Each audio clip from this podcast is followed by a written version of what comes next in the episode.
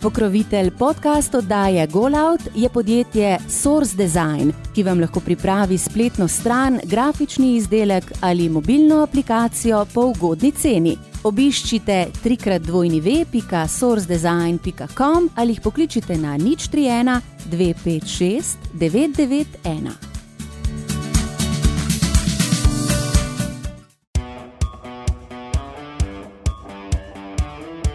Poslušate oddajo GoLout, slovenska podcast oddaja o slovenskem, tujem in ženskem nogometu. Gost tokratne podcastu oddaje GoLout je svoj nogomet pot pričel na Velčah pri Slaviji. Pri 15. se je preselil k Olimpiji, a tam ni dočakal gnenega krsta na slovenski prvolegaški sceni. To je storil v dresu Svobode. Sledila je selitev v Nemčijo, kjer je za tri sezone oblekel dres Blau-Weiß Lohna. Iz Nemčije se je preselil v Alžino in oblekel rdeč-črni dres Primorja. Sledile so selitve v Koper, Velče, Olimpijo, Tabor Sežano, Elan, Livar, Svobodo in nekaj avstrijskih niželigaških klubov. Po končani aktivni karieri se je podal med trenerje. Sprva je deloval v mlajših selekcijah v Dobžalskem klubu, pred letošnjo sezono pa si je zadal nov izziv in prevzel vodenje kranskega prvoligaša. Gost tokratne oddaje je Dejan Dončić. Želim vam prijetno poslušanje in ko ste že navajeni, sledi najprej osebna izkaznica. Imate vprašanje? Nam želite podati kakšno mnenje? Pišite nam na info.afna.golout.com ali prek družabnih omrežij, kjer nas najdete pod uporabniškim imenom oddaja GoLout. Starost. 46 let Kje se najbolj počutiš doma? v Ljubljani. Katere tuje jezike govoriš? Hrvaški, srpski, tako če govorim nemško in pa dobro tudi angliško. Hobi izven nogometa. Košarka. Kaj bereš? Nogometno literaturo in pa tudi knjige psihološke. Kaj gledaš? Kriminalne nanizanke in pa rad imam tudi zgodovinske filme. Kateri predmet si imel najraje v šoli, če izuzamemo športno vzgojo? Matematika in geografija. Kdaj si na zadnji jokal? Ko se je rodila hčerka. Kdaj si bil na zadnje srečen? Ko smo premagali krško doma, 4 proti 3. Česa se bojiš? Zaprtega prostora, ne kot dvigalo, ampak tako nekako kot neka truga ali pa kaj tasga, da sem preveč utesnjen. No. Koliko si aktiven na družabnih omrežjih? Odkar sem postal članski trener, malo. Kdo je po tvojem mnenju najboljši nogometaš vseh časov? Maradona. Kdo je po tvojem mnenju trenutno najboljši nogometaš na svetu, če izuzamemo Kristjana Ronalda in pa Lionela Messija? Modrič. Kdo je po tvojem mnenju najboljši nogometaš, ki si ga kadarkoli treniral? Jan Mlakar, Kdo je najboljši soigralec, s katerim si igral? Borivo Lučič, Najboljši nasprotnik, Maribor. čemu se posvetiš v pripravi na trening? Vsemu. Se pravi, od analize nasprotnika do igre svoje ekipe. Katere tekme ti je najbolj ostale v spominu? Lahko rečem finale pokala proti Mariboru 4 proti 3, kot smo osvojili pokalno lovoriko. Kakšna mora biti tekma, da po njej rečeš, da je bila res odlična tekma? Mora biti popolna, da igralci vse od sebe, da upoštevajo vsa navodila, ki sem jih zadal pretek. Predvidevam, da imaš priljubljeni klub, zato me zanima, za koga navijaš in zakaj. Od otroštva navijam za Crveno zvezdo, ostalih klubov pa dobesedno jih gledam kot klube in pa kot igro. Po komu se zgleduješ, če izuzamemo nogomet? Večinoma po starših, se pravi po očetu. V nogometnem smislu. Pa od starih eh, trenerjev me je navduševal Ferguson, mogoče v tem novejšem obdobju pa klop. Imaš kakšen življenjski moto? Moj življenjski moto je, da delaš tisto, kar te veseli. In še zadnje vprašanje osebne izkaznice je: imaš priložnost povabiti bilo katero osebo na večerjo oziroma z njo deliti liter vina, za katero osebo bi se odločil in zakaj? Partnerko, ker se zelo dobro razumeva in mi stoji ob strani, in pa lahko rečem tudi, da v naslednjem letu imamo desetletno obletnico. Televizijsko oddajo lahko spremljate vsak torek ob 21. na GoTV.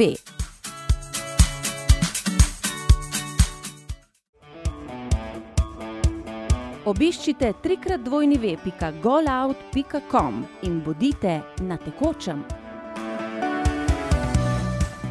Tako to je bila tokratna osebna izkaznica. Z menoj je Dejan Dončić, trener nogometnega kluba Triglav Kran. Dejan, lepo pozdravljen. hvala enako. Dejan, preden se dotaknemo letošnje sezone, pa gremo na začetek. Kdo te je navdušil za nogomet? Navdušili smo se prijatelji med sabo pred blokom.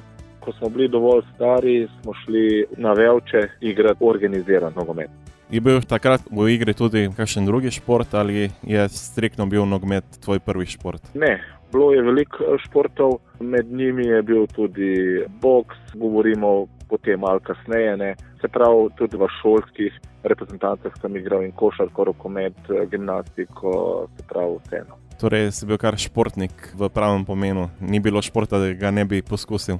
Ja, mogoče sem bil tudi malo radoveden eh, deček, ker sem želel vse probatno. Sicer pa tako na splošno vprašanje, se ti zdi prav, da otrok poskusi čim več športov, ali je bolje, da se osredotoči samo na enega? Ne, jaz mislim, da otrok mora probati vse športe, se pravi vse športe, tiste, ki ga veselijo. Ne smemo ga siliti v nekaj, če želi probati, ker v vsakem športu je neka svoja koordinacija, in potem uh, lahko pri 10-11 letih se tudi odloči dokončno, kaj ga najbolj veseli. Kakšen si bil kot otrok? Živ in radoveden. Je ta radovednost bila prisotna tudi v šoli ali si bil tam pridan učenec in se pridno učil? Učil sem se to, kar sem rabo če bi se kaj več učil, bi bilo mogoče še boljše, ampak kar sem rabo, se pravi. Tako da sem tudi uspešno zaključil šolanje. Sicer pa, ko si že omenil Slavija Belče, tvoj prvi klub, kako se spominjaš teh prvih časov, ko si prišel v organiziran nogomet? Zelo lepo. To so neki najlepši spomini, ko smo se upisali kot devetletniki v nogometni klub Slavija Velče. Pred eh, blokom se nas je zbralo 10 do 15 fantov, prijateljev, ki smo potem šli z kolesom direkt na trening. Se pravi, vsak trening smo šli skupaj, vsak trening smo se vračali, lepo doživetje. Nasproti stadiona je bil tudi bazen, kjer smo bili poleti skos na bazenu. To so bili vsi prijatelji, ki so bili v bistvu moji sosedje. No. Lep spomin imam na te dni. Potem pri 15. si odšel k Olimpiji. Odločil sem se na povabilo Radoslava Bečejca, ki je bil takratni trener. Sem tudi čutil, da bi moral narediti neko spremembo v svoji karieri.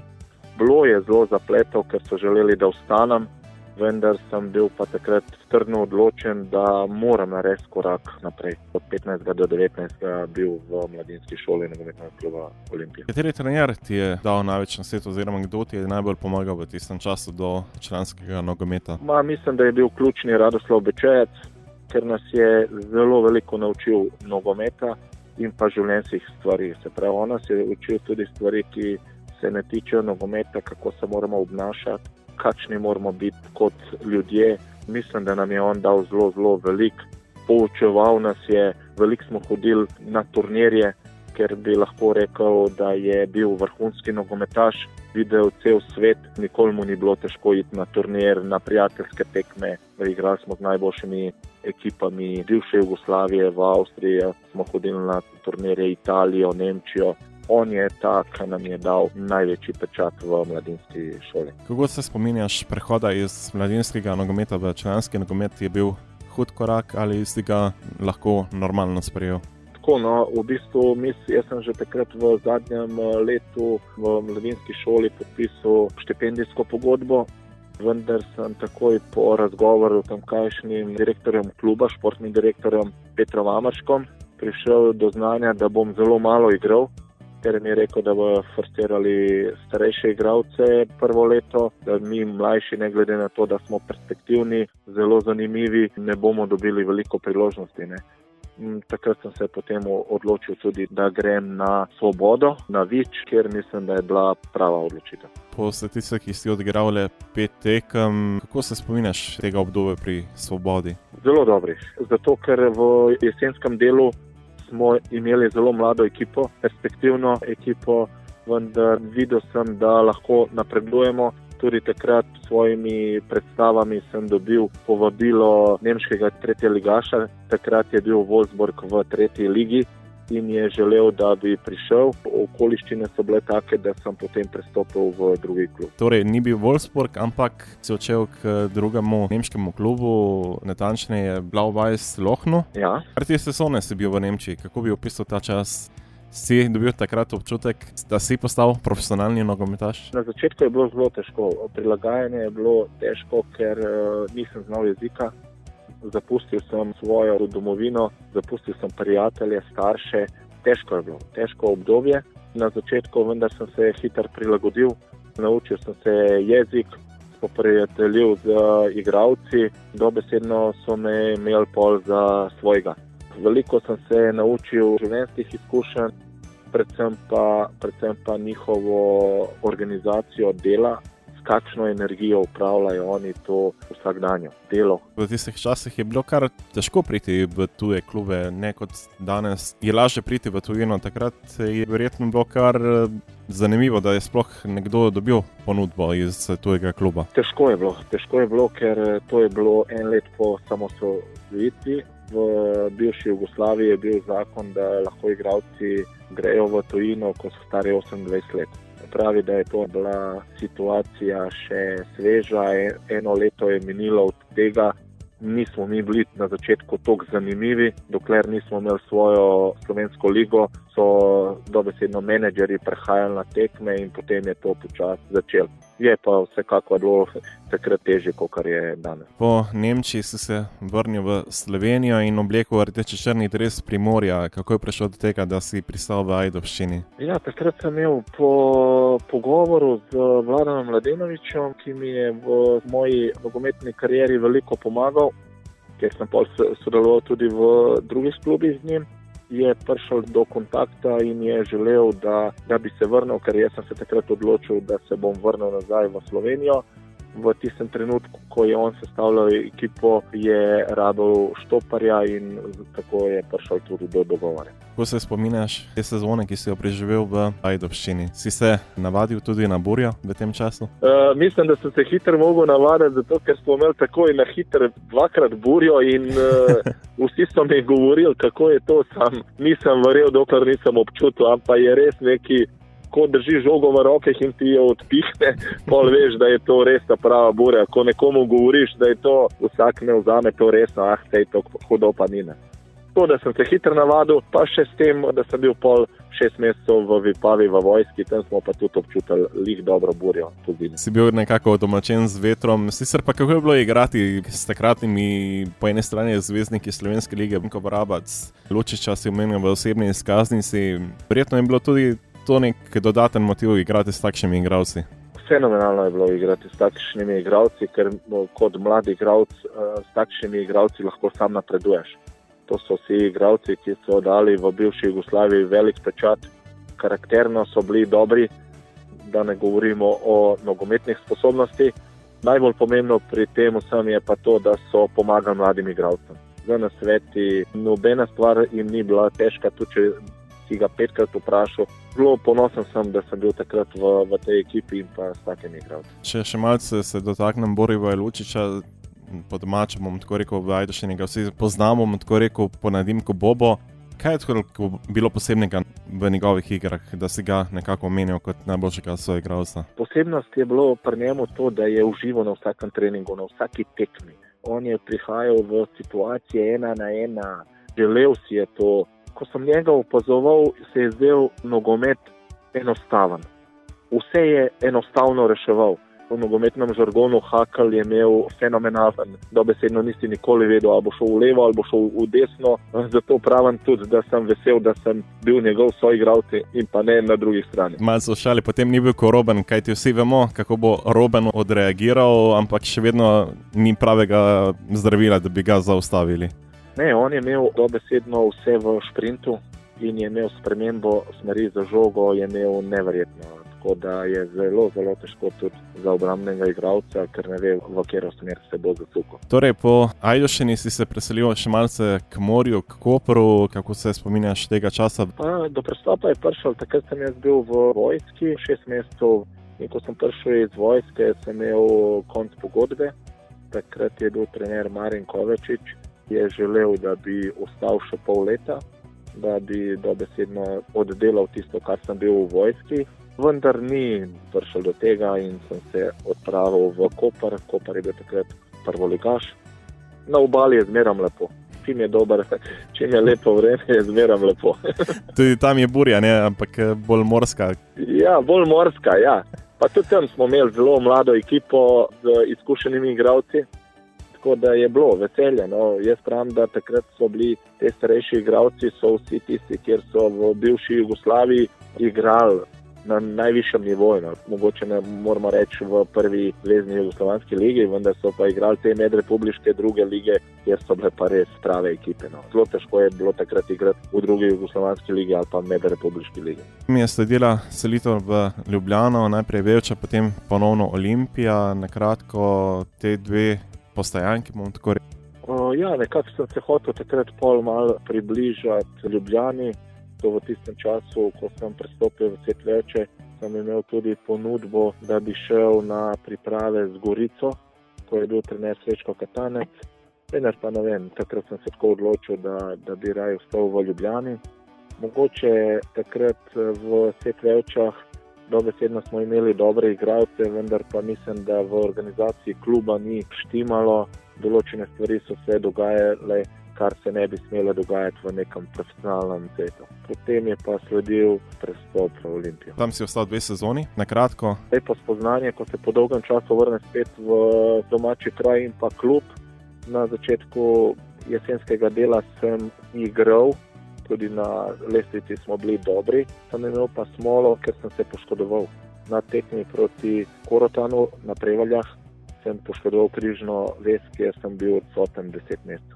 To je bila mogoče neka prelomnica na začetku poškodbe, zelo na dnu. Se pravi, takrat je bilo kar težko obdobje. No. Potem pa sledila ponovno selitev na Primorsko. Si bil doma na Primorskem, tako rekel? Ja, lahko se reče. Ja. Kaj ti naslednji klub je postal tabor Sežane, Sežane ki je takrat eh, se vrstil v prvo ligo? Ja, tabor Sežane. Ja. Takrat sem šel z trenerjem Vladom Mladenovičem on je želel, da pridem. Točno določene stvari, kot sem prej omenil, v Svetvečah se je dogajalo tudi v Sežani. Žal smo takrat izpadali, vendar pa menim, da če bi imeli organizacijsko boljšo postavitev in pa določene stvari, če bi bile dobro pokrite, mislim, da do tega ne bi prišlo. Takrat smo tudi odigrali odlične tekme, tudi z takratnega državnega prvaka Maribora smo zmagali v Sežani 2-1. Lahko dodamo, da je takrat prvič zaigral v Sloveniji tudi prvi strelec lige Romano Belinovič. Je bil Romano tudi en tak igralec, ki bi ga lahko omenil kot nekaj posebnega? Ja, res je. On je bil nekaj res posebnega. Mislim, da je bil kralj 16-metrskega prostora. To je neverjetno, kakšen občutek za žogo je imel dobesedno tudi na treningih. Vsak strel v 16-metrskem prostoru je bil gol. Imel je fenomenalen udarc, imel je tehniko, zelo hiter igralec, hiter, dober igri, ena na ena z glavo. Se pravi, bil je kompleten igralec. Bil je kompleten igralec, je bilo veselje z njim igrati, ker je tudi užival v tem. Ne. Primorske si se za nekaj časa preselil na Dolensko, najprej v novo mesto Kelano in potem še v Ivančno Gorico. Če lahko na hitro poznameš ta dva kluba oziroma te dve postajanki. To je bilo v bistvu po poškodbi, sem hotel spet se vrniti na neko višjo profesionalno raven. Imel zelo dobro ekipo in v Krki, in v Ivančni Gorici. V Krki je bil Vladan Mladenovič, ker smo bili na pol sezone na drugem mestu smo imeli zelo dobro izhodišče za naprej. Bili smo celo tudi v polfinalu Slovenskega pokala, na pol sezone je prišel do razpada ekipe, potem smo dobesedno igralci šli na vsak na svojo stran.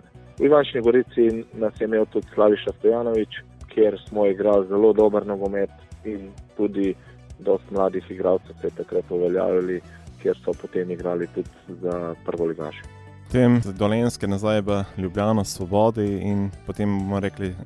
Tudi počasi zaključek v avstrijskih nižjih ligah. Pa ja, pol na koncu sem se nekako odločil za to trenersko kariero. Želel sem postati trener, sem nekako eh, po karakterju tak človek, da tisto, kar se odločam, hočem stoprocentno.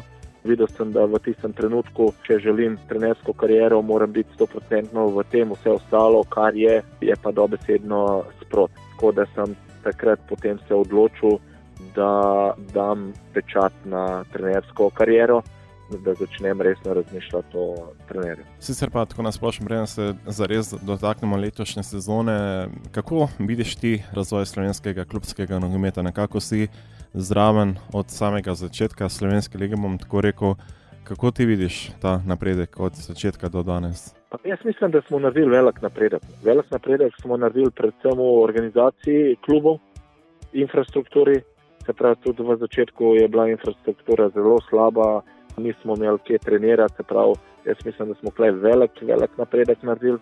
Igravci so šolani, prihajajo iz naših slovenskih mladinskih šol, kjer se dela zelo dobro ker eh, tudi kontakte z tujimi klubi imam. Gledal sem tudi eh, veliko akademij v tujini in lahko rečem, da smo glede stroke, glede kakovosti igralcev, lahko zelo, zelo zadovoljni. Jaz mislim, tudi letošnja prva liga je pokazala, da so vsi klubi konkurenčni. Ok, lahko rečemo, glede Maribora Olimpije, ker sta zmeraj bila korak pred vsemi, ampak vse ostalo, zanimiva liga, kjer lahko napredujejo mladi igravci, zelo dobro da imamo zdaj drugo ligo s 16 klubi, ker je zelo zanimivo. Tukaj lahko pridejo tudi igravci mladinske šole, zaprav vsi igravci, ki ne morejo takoj uspeti v prvi ligi, lahko grejo igrati v drugo ligo in pa mislim, da je to super za slovenski nogomet bodi na tekočem in sledi oddaji Go Out na družabnih omrežjih Facebook, Instagram, Twitter in YouTube, kjer jo najdete pod uporabniškim imenom oddaja Go Out.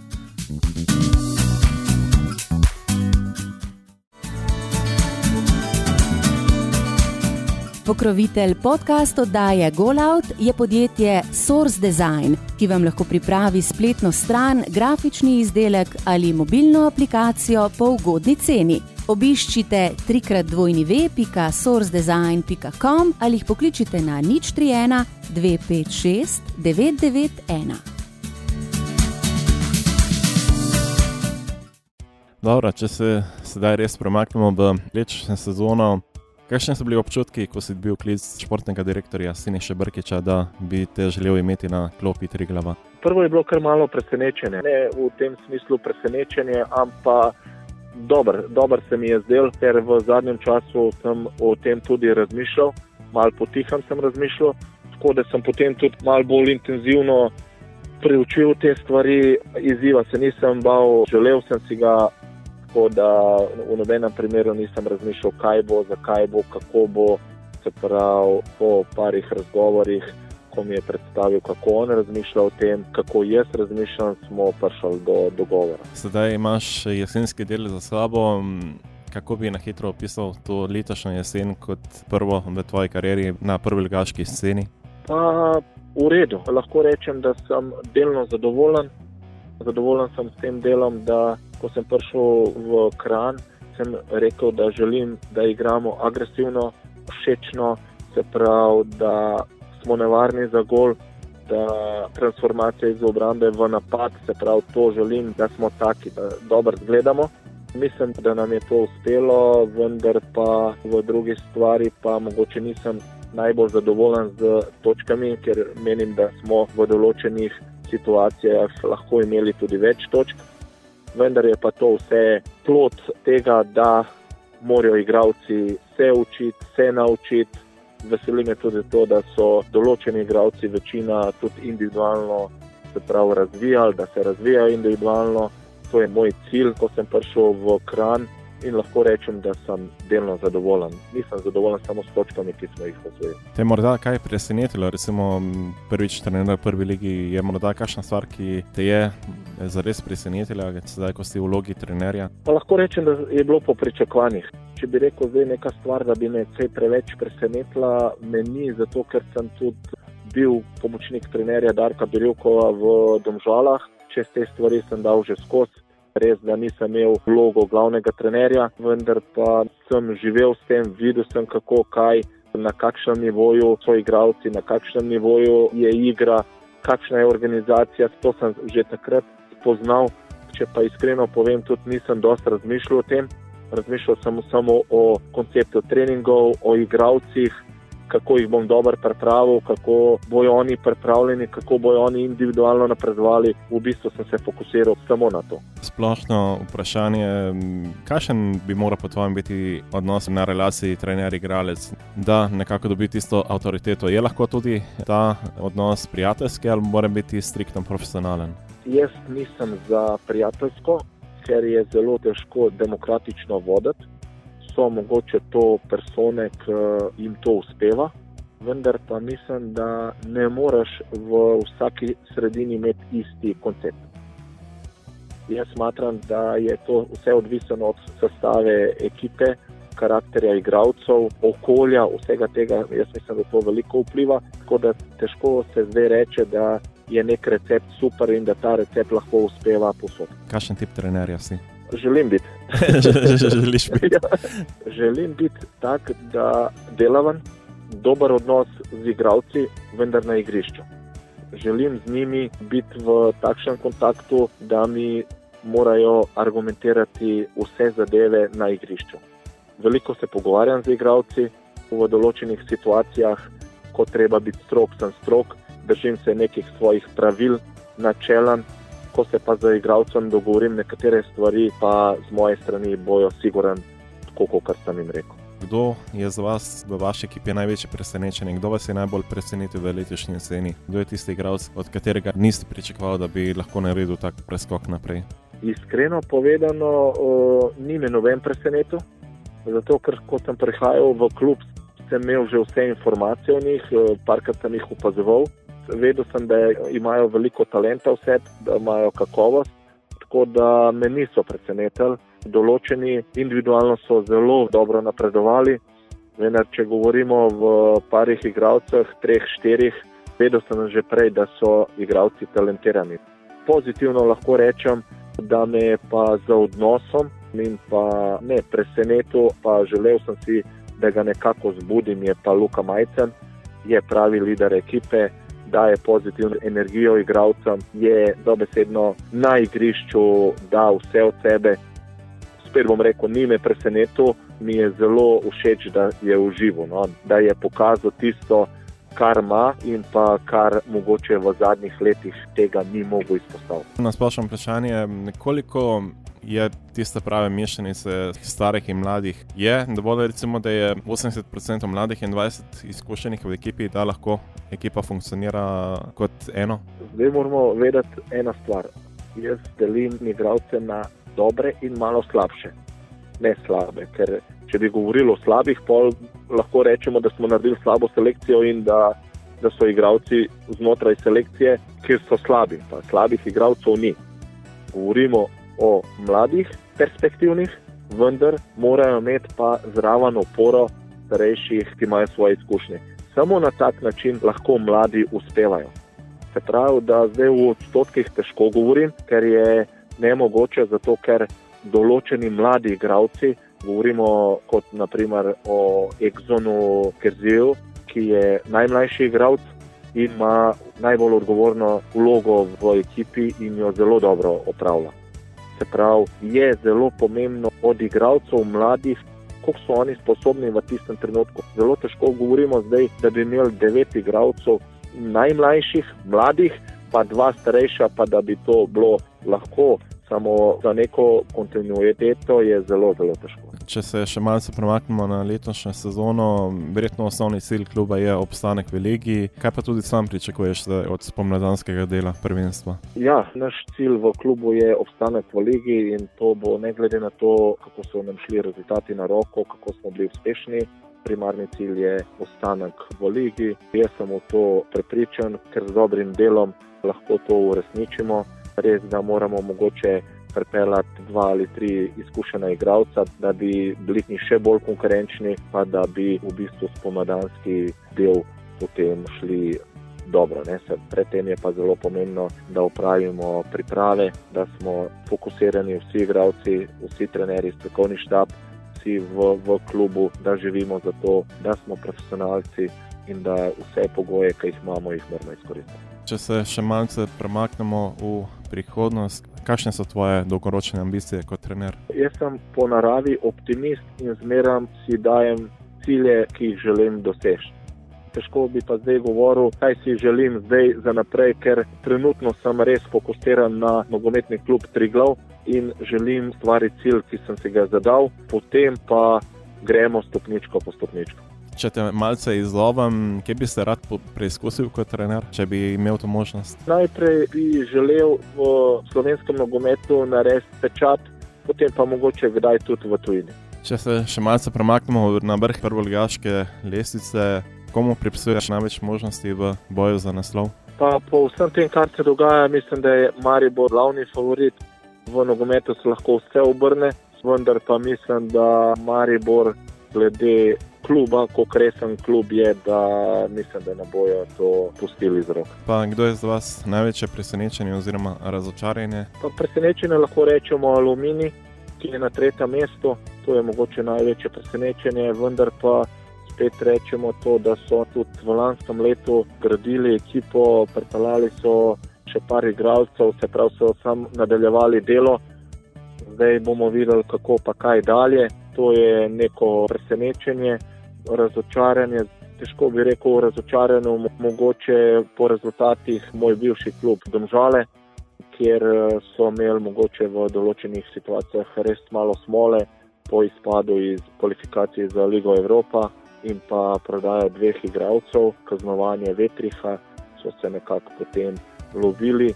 Eh, glede na igralski kader in pa koliko uložka je v ekipo, mislim, da je to mogoče. No. Preden zaključimo na en pogovor, še dve vprašanje, sicer mogoče malce presenetljivi, ampak vseeno, da oddaje Galat namenimo tudi veliko pozornosti ženskemu nogometu. Kakšno je vaše mnenje? Imam pozitivno mnenje, zato ker sem tudi bil v mladinski komisiji nogometne zveze Slovenije. Veliko smo se pogovarjali o ženskem nogometu, veliko smo dajali tudi določene stvari, da se popravijo, da se morajo tako da sem veliko seznanjen. Tudi na zadnjem seminarju v Unionu sem bil z Petro Mikl, ki je selektorka. Smo se veliko pogovarjali o tem, kako imajo zdaj boljšo organizacijo. Dobesedno mi je ok, da bi se lahko tudi v Sloveniji mogoče še na.